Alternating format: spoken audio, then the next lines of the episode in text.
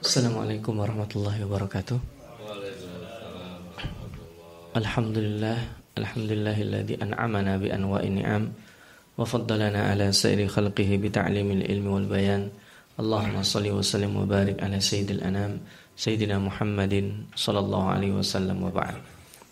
Bapak-bapak, ibu-ibu yang dimuliakan Allah, bersyukur kepada Allah pada pagi hari ini kita dapat memulai hari kita dengan kebaikan yang Allah mudahkan. Mudah-mudahan Allah teruskan menjaga kita, memberikan keistiqomahan kita kepada kebaikan, mengajak eh, orang-orang uh, di sekeliling kita untuk senantiasa mudah dan ringan dalam melakukan kebaikan. Allahumma amin. Kita masih melanjutkan dalam tadabur kita insyaallah halakoh yang ke-35 uh, melanjutkan pertemuan sebelumnya uh, sedikit uh, review dari yang sebelumnya bahwa ketika Nabi Muhammad SAW ditanya banyak hal dan yang terakhir ke mereka adalah yang terakhir kemarin ditanyakan adalah madza yunfikun yang ada kaitannya dengan madza yunfikun sebelumnya. Kalau sebelumnya itu adalah sasaran infaknya. Sasaran infaknya kepada siapa? Yaitu kepada orang tua dan seterusnya. Kemarin yang terakhir sasaran infak uh, bukan sasaran tapi uh, apa yang diinfakkan. Ya, dijawab qul al-af. Uh, al-af itu artinya uh, yang lebih saja, yang tidak ada istilahnya berat bagi kita. Wah, ini saya punya uang sisa aku pakai sekian, maka itu diinfakkan. Tapi Allah Subhanahu wa taala yang demikian itu dan ini dirangkai dengan pertanyaan dengan tentang al-khamr wal maisir, Allah juga tidak mengharamkan secara langsung. Ini ada tahap pertama. Di dalamnya ada uh, permusuhan, ada mafsada, ada kemadaratan, tapi ada manfaatnya. Manfaatnya apa? Yaitu untuk selingan, untuk fun, untuk macam-macam. Tetapi kemanfaatannya jauh lebih sedikit dan Allah tidak menyebutkan kemanfaatannya jauh lebih sedikit. Walakifmuhuma eh, akbar dan dosanya kemadaratannya itu lebih besar.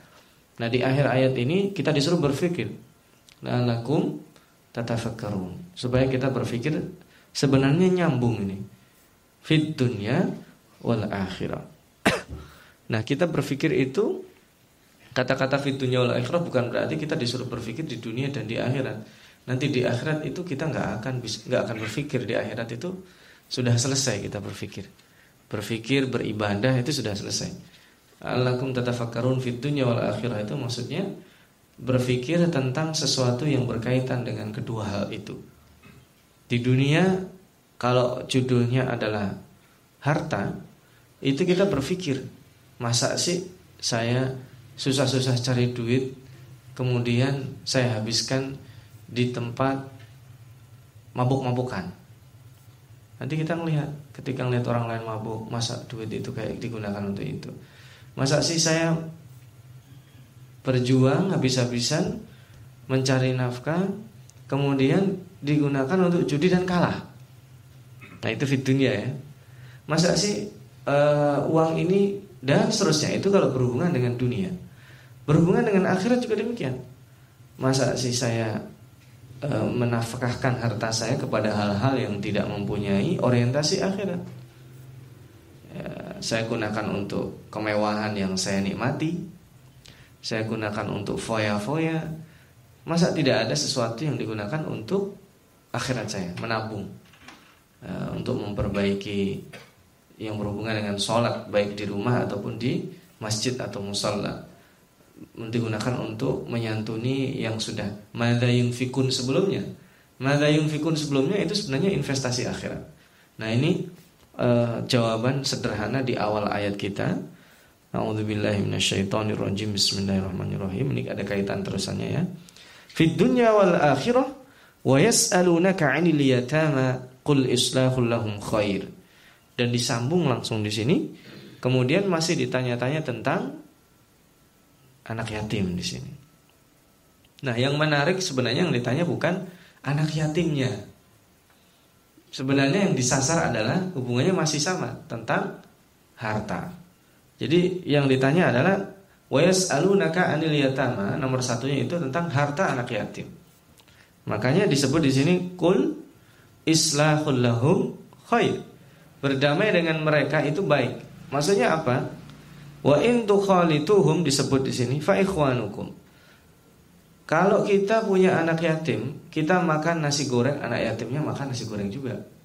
Makan nasi pakai ayam, digoreng, mereka makan nasi ayam juga. Bukan kita makan enak, anak yatimnya kita kasih nasi sama telur dadar, telur ceplok misalnya. Wa in tukhalituhum itu mukhalatatul khair, islah di situ. Nah, jangan khawatir dan di sini islahul lahum khair nanti wallahu ya'lamul mufsida minal muslim. Di dalam memelihara anak yatim diperbolehkan ngambil harta mereka. Allah tahu kita ngambil harta anak yatim itu untuk memberi makan dia, membesarkan dia, dengan kita ngambil an harta anak yatim itu untuk diri kita sendiri. Allah SWT ya'lamul mufsida minal muslim. Didahulukan mufsid kenapa? Karena pada waktu itu memang mereka e, orang-orang Arab sebagian tidak semua tentunya memiliki niat jahat ketika melihat anak yatim, terutama yang perempuan. Jadi anak-anak yatim perempuan itu naudzubillah dia uh, bukan hanya sekedar kehilangan orang tua, tapi dia diambil hartanya dan bahkan orangnya. Nanti kalau dinikahi dinikahi gitu aja. Tidak diberi mahar dan sebagainya. Jadi sekaligus dapat dua, dapat orangnya dapat hartanya. Makanya ada nanti di dalam surat Al-An-Nisa ayat 3, 4 dan seterusnya itu membicarakan tentang uh, anak yatim yang dinikahi itu. Dan ada kaitannya dengan poligami ya. Nanti di waktunya nanti kita akan bahas insya Allah. Nah ini di sini juga demikian. Anil yatama itu pertama hartanya, nggak apa-apa. Silakan ambil, tetapi Allah mengetahui islah. Makanya islah di sini tahu dan ifsad itu uh, kita makan dompleng uangnya anak yatim. Kita nggak punya modal. Lebih bagus lagi kalau seandainya anak yatim itu kita santuni. Dan mereka tidak hartanya tidak kita sentuh. Makanya justru kalau anak yatim itu miskin itu yang utama untuk disantuni. Lah kalau anak yatim itu kaya ya tidak perlu disantuni. Tetapi Justru anak-anak yatim yang memiliki peninggalan yang banyak itu menjadi rebutan. Nah, itu yang jadi masalah. Makanya wa in tukhalituhum fa ikhwanukum fiddin. Mereka itu adalah saudara-saudara kalian seagama. Ya, terjemahannya fa ikhwanukum fiddin di situ. Saudara seada, seagama. ukhuwah yang paling tinggi itu ukhuwah seagama, bukan uh, satu nasab. Satu nasab kalau nasibnya seperti Ibrahim dan bapaknya juga percuma.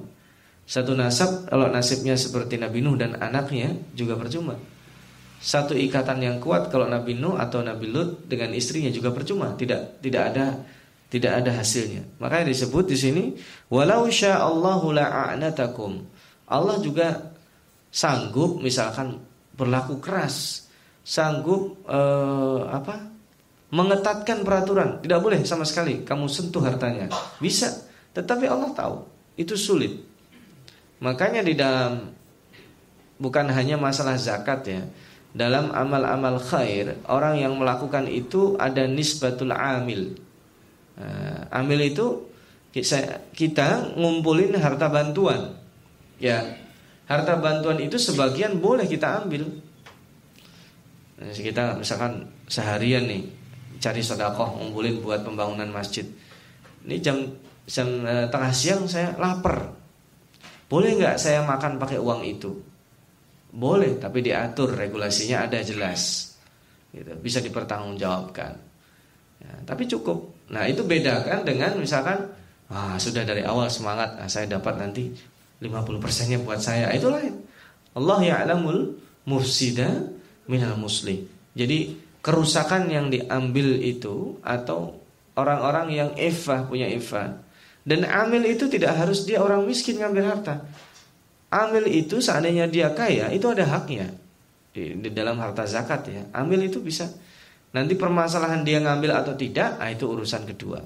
Nah, ini makanya Allah swt dikatakan innallaha azizun hakim. Aziz itu adalah Allah itu dalam kaitannya dengan harta sedekah aziz. Harta itu bukan untuk Allah. Tempo hari kita menadaburi kenapa ada zakat yang wajib, kemudian ada sodakoh atau infak yang sunnah, dan ada satu lagi, mandalladhi yukridullaha qardan hasana. Siapa yang meminjamkan harta kepada Allah? Kok minjemin? Maksudnya Allah dalam tanda kutip tidak tega, udah mewajibkan, kemudian menyunahkan, masih ada lagi orang yang ingin menyumbangkan hartanya. Ada di antara manusia yang demikian. Dia hobinya memberi. Yang wajib saya sudah. Yang sunnah apalagi saya sudah semua. Tapi saya masih ingin memberikan lagi. Itu bahasanya sangat halus sekali. Mandalladhi yukridullaha qardan hasana. Barang siapa yang mau memberikan pinjaman, nanti akan dikembalikan Allah. Allah aziz. Aziz itu tidak perlu. Orang kalau uh, harta diinvestasikan, meskipun dia orang kaya, dia perlu nggak kira-kira? Tetap perlu kan? Sekaya-kayanya orang namanya investasi, dia mengharapkan keuntungan. Tapi Allah aziz. Aziz itu mulia, aziz itu perkasa, aziz itu tidak memerlukan yang lainnya. Dan hakim, hakim itu adalah maha bijaksana. Dia tahu.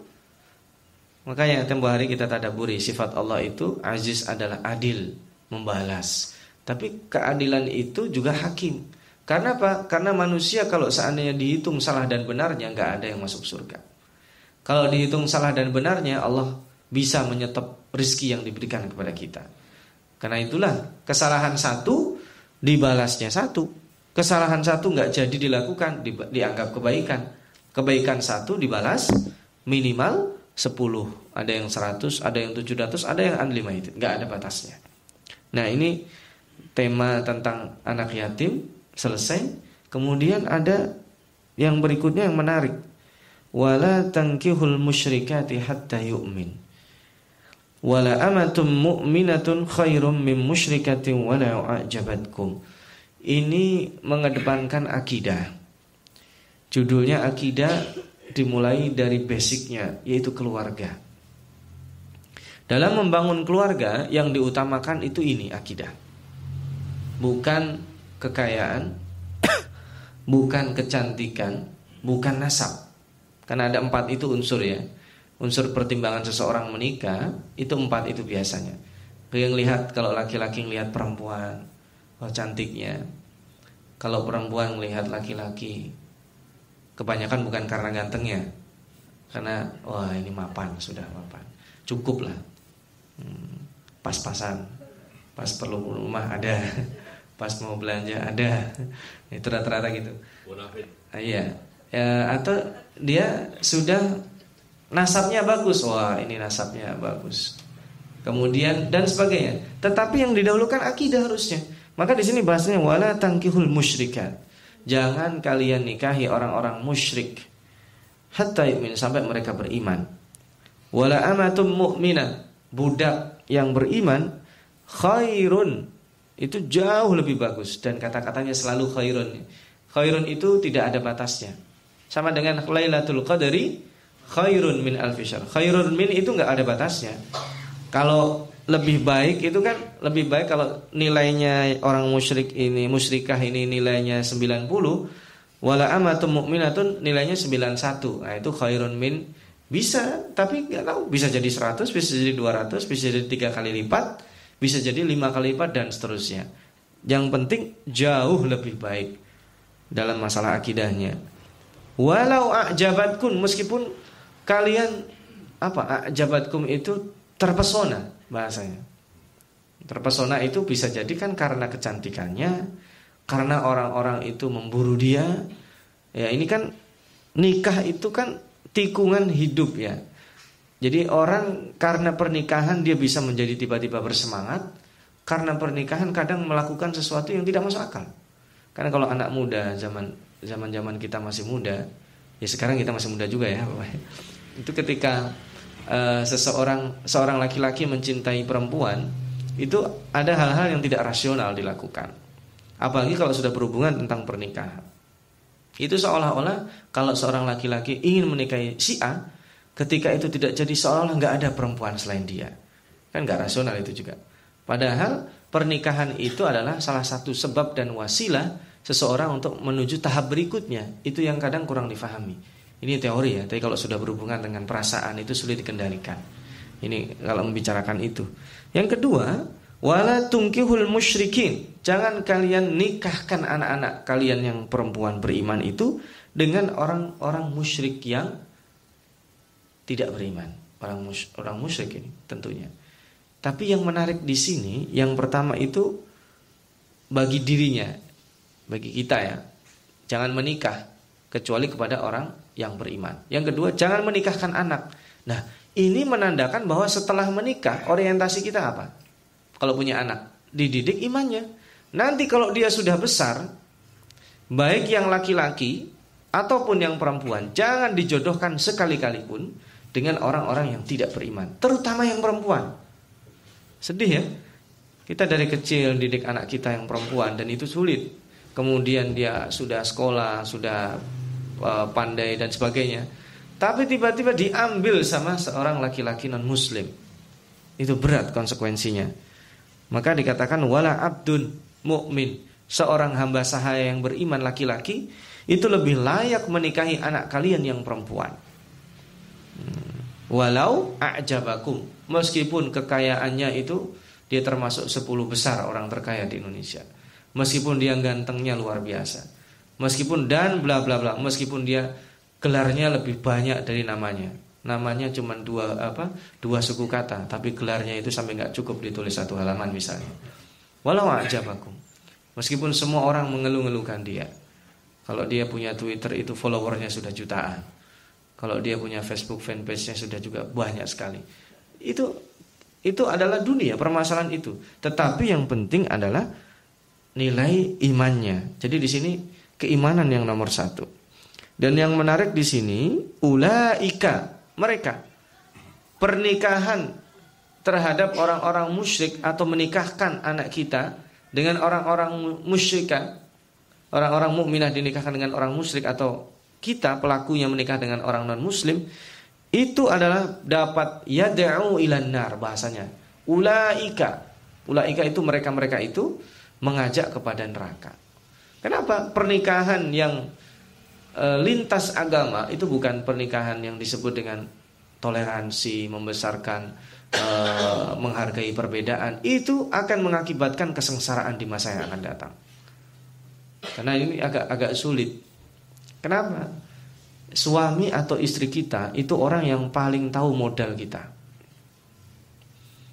Laki-laki mau jenderal di luar lapangan kalau udah pulang itu hilang jenderalnya bisa kopral bisa lebih rendah dari kopral. Ya kalah sama istrinya. Kalau udah di rumah sehebat-hebatnya laki-laki juga demikian. Kenapa? Ela karena istrinya tahu modalnya. Sebaliknya juga demikian. Seorang perempuan mau kayak apa pun dia di luar tapi usah di rumah dia menampilkan aslinya. Makanya suaminya juga jadi orang yang paling tahu tentang dia. Meskipun mungkin menikah baru setahun dua tahun bapak ibunya sudah puluhan tahun bersama dia, bisa jadi suami atau istri kita itu adalah jauh lebih tahu dari orang tua kita.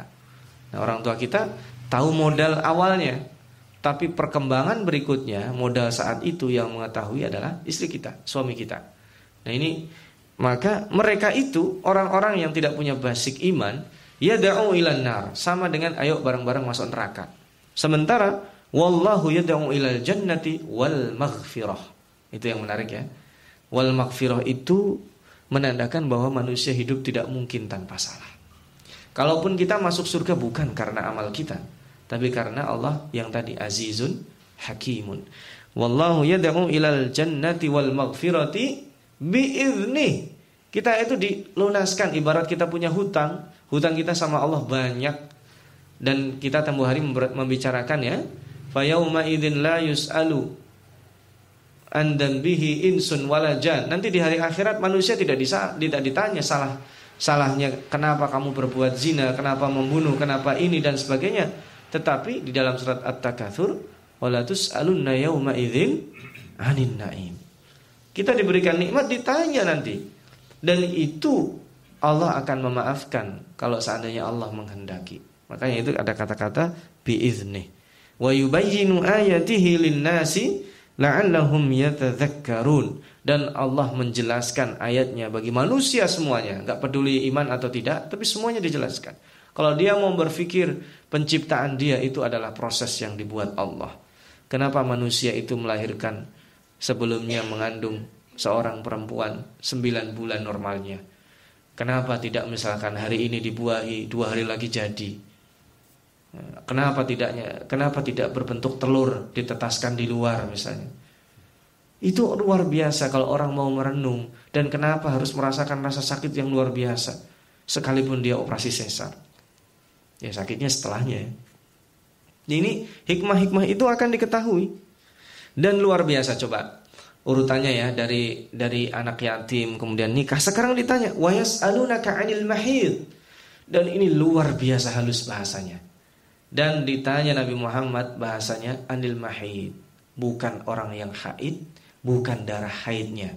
Mohon maaf, anil mahid itu kalau arti bahasa letterletnya ditanya tentang tempat keluarnya darah haid. Gitu. Bahasanya halus sekali. Apa artinya? Itu artinya adalah ditanya Nabi Muhammad tentang hubungan suami istri pada saat istri kita sedang haid. Dan bahasanya halus sekali ya. Wa yas'alunaka 'anil mahid. Itu anil mahid itu artinya nggak tahu kalau di Quran terjemah ya. Itu ditanya tentang haid. Ya kan terjemahnya mungkin bisa jadi gitu. Padahal itu bisa meliputi orang yang haid, bisa meliputi juga dan intinya adalah tempat keluarnya darah haid. Dan coba bahasanya. Qul huwa adha. Itu adalah sakit. Jadi yang dilindungi pertama kali adalah perempuan. Kalau seorang laki-laki suaminya menghendaki hubungan badan, sementara istrinya sedang lampu merah, ya namanya lampu merah apa? Berhenti. Tetapi berhenti itu bukan berarti berhenti total. Dan lihat kata-katanya, fa'tazilun nisa'a fil mahid. Al-Fakir kalau nggak salah pernah lihat terjemah dan terjemahannya itu bisa multi tafsir. Jauhilah perempuan ketika haid. Nah, bukan itu maksudnya. Yang dijauhi itu adalah tempat keluarnya darah saja. Yang disuruh kita menjauhi. Selain itu nggak ada masalah. Makanya bercumbu dengan istri kita pada saat sedang haid diperbolehkan. Cuman satu, jauhi tempat keluarnya darah haid itu. Nah, jadi perhubungan badan dalam artian yang finalnya itu tidak diperbolehkan. Tetapi kita berciuman, bermesraan dan saling mengobrol kata-kata yang disebut di dalam Al-Qur'an tembuh hari ar-rafath ya, bahasa kita gombalin istilahnya. Itu boleh merayu, boleh silahkan aja. Tetapi di sini rambu-rambunya adalah al-mahidnya itu itu eh, tempat keluarnya darah haid. Tidak boleh. Kenapa? Kul adza. Itu melindungi memproteksi perempuan. Yaitu uh, sakit. Dia sudah sakit karena keluar darah haidnya, terutama di hari-hari pertama. Terutama bagi sebagian perempuan, kalau sedang haid itu keluar sakitnya luar biasa. Emosinya juga luar biasa. Nah, ini ada itu istri kita sudah cukup merasakan dua itu. Sakit secara psikis karena e, emosinya tidak stabil, sakit secara fisik karena biasanya rada-rada mules, agak mules gitu. Nah, kalau ditambah dengan melayani kita, itu naudzubillah, itu lebih sakit lagi. Makanya itu hikmahnya kenapa kita tidak diperbolehkan. Itu belum kalau ditinjau dari sisi medisnya. Nah, sisi medis itu kan belakangan setelah ada alat-alat canggih, dokter-dokter yang sekarang atau praktisi-praktisi kesehatan meneliti kenapa hubungan badan suami istri tidak diperbolehkan ketika seorang perempuan sedang datang bulan. Nah, itu mungkin lain waktu atau di tempat lain kita bicarakan. Wala. Nah, di sini menarik luar biasa nanti kita bahas sisi fikihnya. Wala taqrabuhunna hatta yadhurna Fa idza tatahharna fa'tuhunna min haitsu amarakumullah. Ketika mereka sudah bersih. Jadi mereka jangan dekati, maksudnya di sini wala taqrabuhunna. Itu yang menarik ini. Wala taqrabuhunna bukan wala taqrabuhu. Tempat keluar jangan dekati tempat keluarnya itu bukan, tapi wala taqrabuhunna jangan dekat-dekati istrimu. Dekat-dekati itu maksudnya apa? Sudah dijelaskan. Dekat-dekati dalam rangka ada maunya. Gitu. Kalau dekati biasa mah boleh. Makan bareng boleh nggak? Boleh. Mandi bareng nggak? Boleh. Tapi itu sulit biasanya kalau suami bersuami kayak gitu itu nanti ujung-ujungnya larinya ke sana. Makanya mendekatinya mendekati yang tidak ada hubungannya dengan al-mahid. Makan ya nggak ada hubungannya. Jalan-jalan nggak ada hubungannya dan sebagainya. Tapi kalau yang ada hubungannya itu sebisa mungkin kita jauhi. Nah, hatta yathurna sampai mereka suci. Di sini ikhtilaf ulama, inda jumhuril ulama bukan ketika berhenti, tapi ketika mereka sudah suci dan mandi.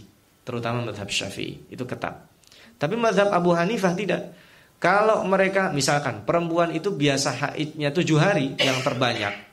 Atau lima hari yang paling sedikit secara biasanya dia, kebiasaan yang tahu perempuan. Ini ditanya. Kalau dia sudah tujuh hari berhenti, itu hubungan badan sudah otomatis boleh setelah itu. Abu Hanifah ini ya, bukan madhab jumhur ulama. Kalau jumhur ulama atau madhab syafi'i tidak boleh, harus mandi dulu. Tapi kalau dia mandi hadas ya, kalau sudah berhenti lima hari sudah berhenti, nggak ketemu lagi, darahnya nggak keluar, kata Abu Hanifah harus mandi dulu, itu. Karena ditakutkan setelah itu keluar lagi. Wah, bagaimana misalkan darah berhenti, uh, sholat satu waktu sholat sudah berhenti berhenti. Nah, kemudian udah kamu mandi dah cepetan ini sudah lama. Kemudian melayani suaminya eh kemudian malamnya keluar haid lagi. Ya tidak apa-apa. Ya, jangan nyalahin suaminya eh, suaminya. Yang penting laki-laki dan perempuan suaminya itu tahu adat istrinya. Ditanya biar haid terkecil itu paling sedikit berapa hari? Lima hari. Ya udah kita pegang. Atau tujuh hari maksimalnya Nah kalau tetapi sebaiknya kita mengikuti madhab uh, jumhur ulama. Jadi jangan deketin, deket-deketin sebelum istri kita sudah benar-benar berhenti darah haidnya dan sudah mandi hadas. Ini dikuat, diperkuat dengan ayat uh, dengan potongan berikutnya. Faida tatoharna. Nah, bukan faida yathurna. Beda itu. Kalau yathurna itu suci berhenti darahnya tapi diperkuat dengan faida tatoharna ketika mereka sudah bersih-bersih. Bukan ketika mereka sudah bersih. Bersih-bersih itu sudah mandi. Fa'tuhunna dan datangi dia mereka min amarakumullah. Sesuai dengan bimbingan Allah. Nah, Innallaha yuhibbut tawwabin wa yuhibbul mutatahhirin. Allah menyukai orang-orang yang bertaubat dan menyukai orang-orang yang uh, mencintai kesucian atau suka bersuci, orang-orang yang menjaga kebersihan. Loh, apa hubungannya di sini? Uh, hubungan suami istri kok kemudian ada tawabin, mohon maaf. Mohon maaf sekali.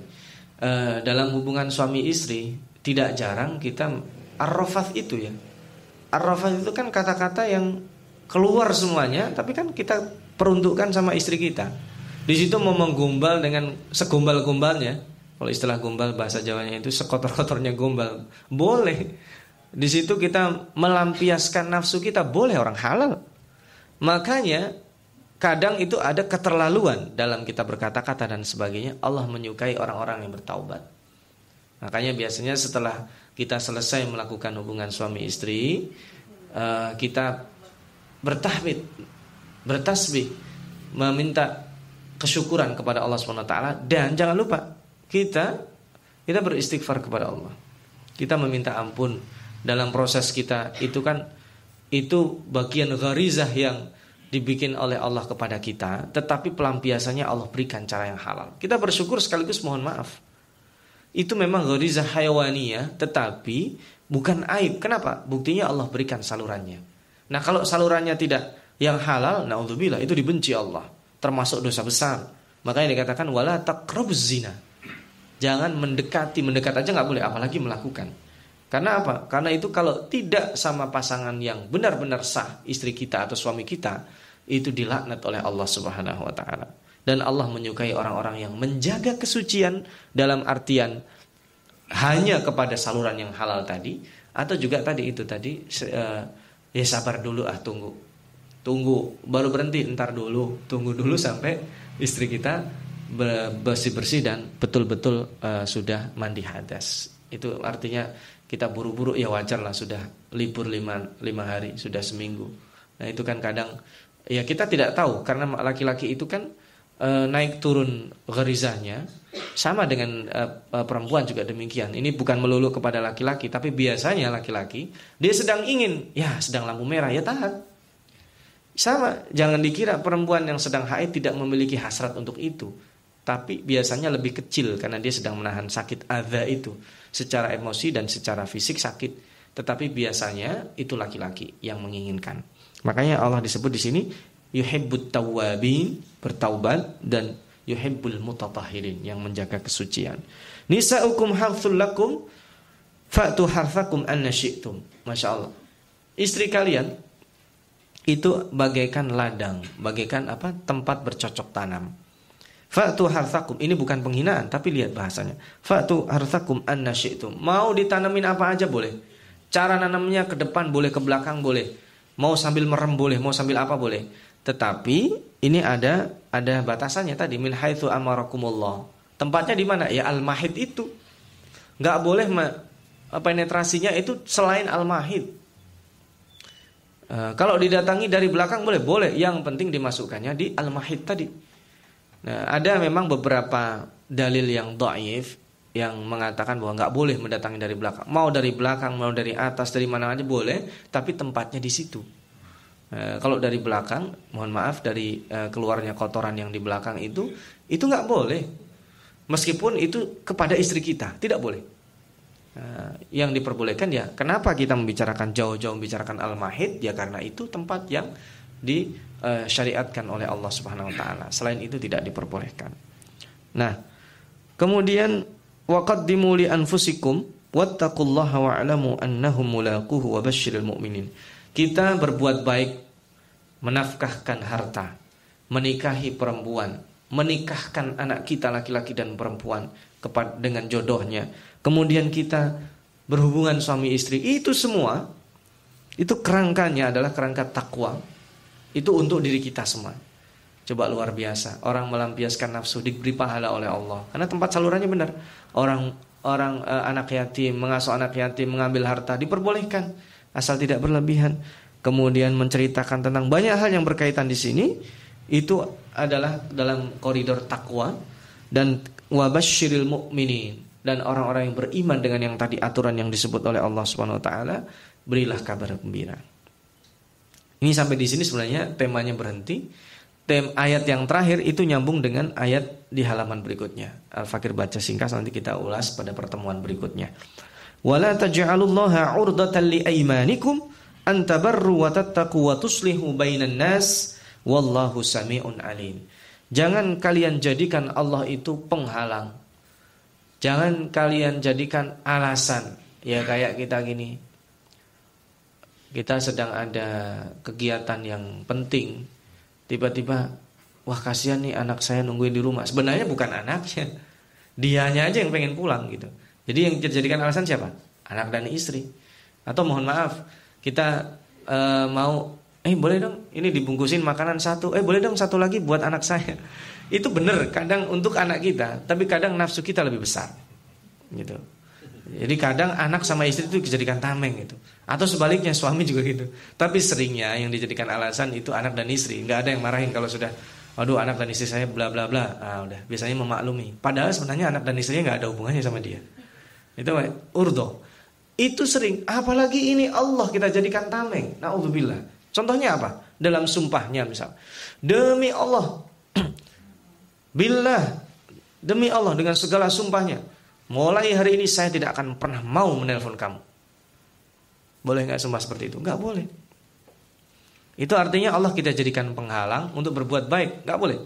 Demi Allah mulai hari ini saya tidak akan pernah tidak akan pernah sudi menghubungi si A. Itu sumpah kayak gitu nggak boleh. Nanti makanya ada ada harus dikafarat itu saya. Harus dibatalkan sumpahnya dan kita harus bayar diatnya. Nah, harus bayar dendanya. Ya, nggak boleh itu sumpah yang batal itu nggak boleh. Demi Allah ini kalau anak saya tahun ini ketemu jodohnya, nanti kalian saya traktir minum minuman uh, semalam. Itu juga nggak boleh itu yang buruk ya. Uh, yang yang baik terhalang dengan sumpah nggak boleh. Sumpah untuk yang buruk juga nggak boleh. Jadi Allah jangan dijadikan Oh saya sudah bersumpah ini mau neraktir minum-minuman keras gimana ini? Ya nggak boleh.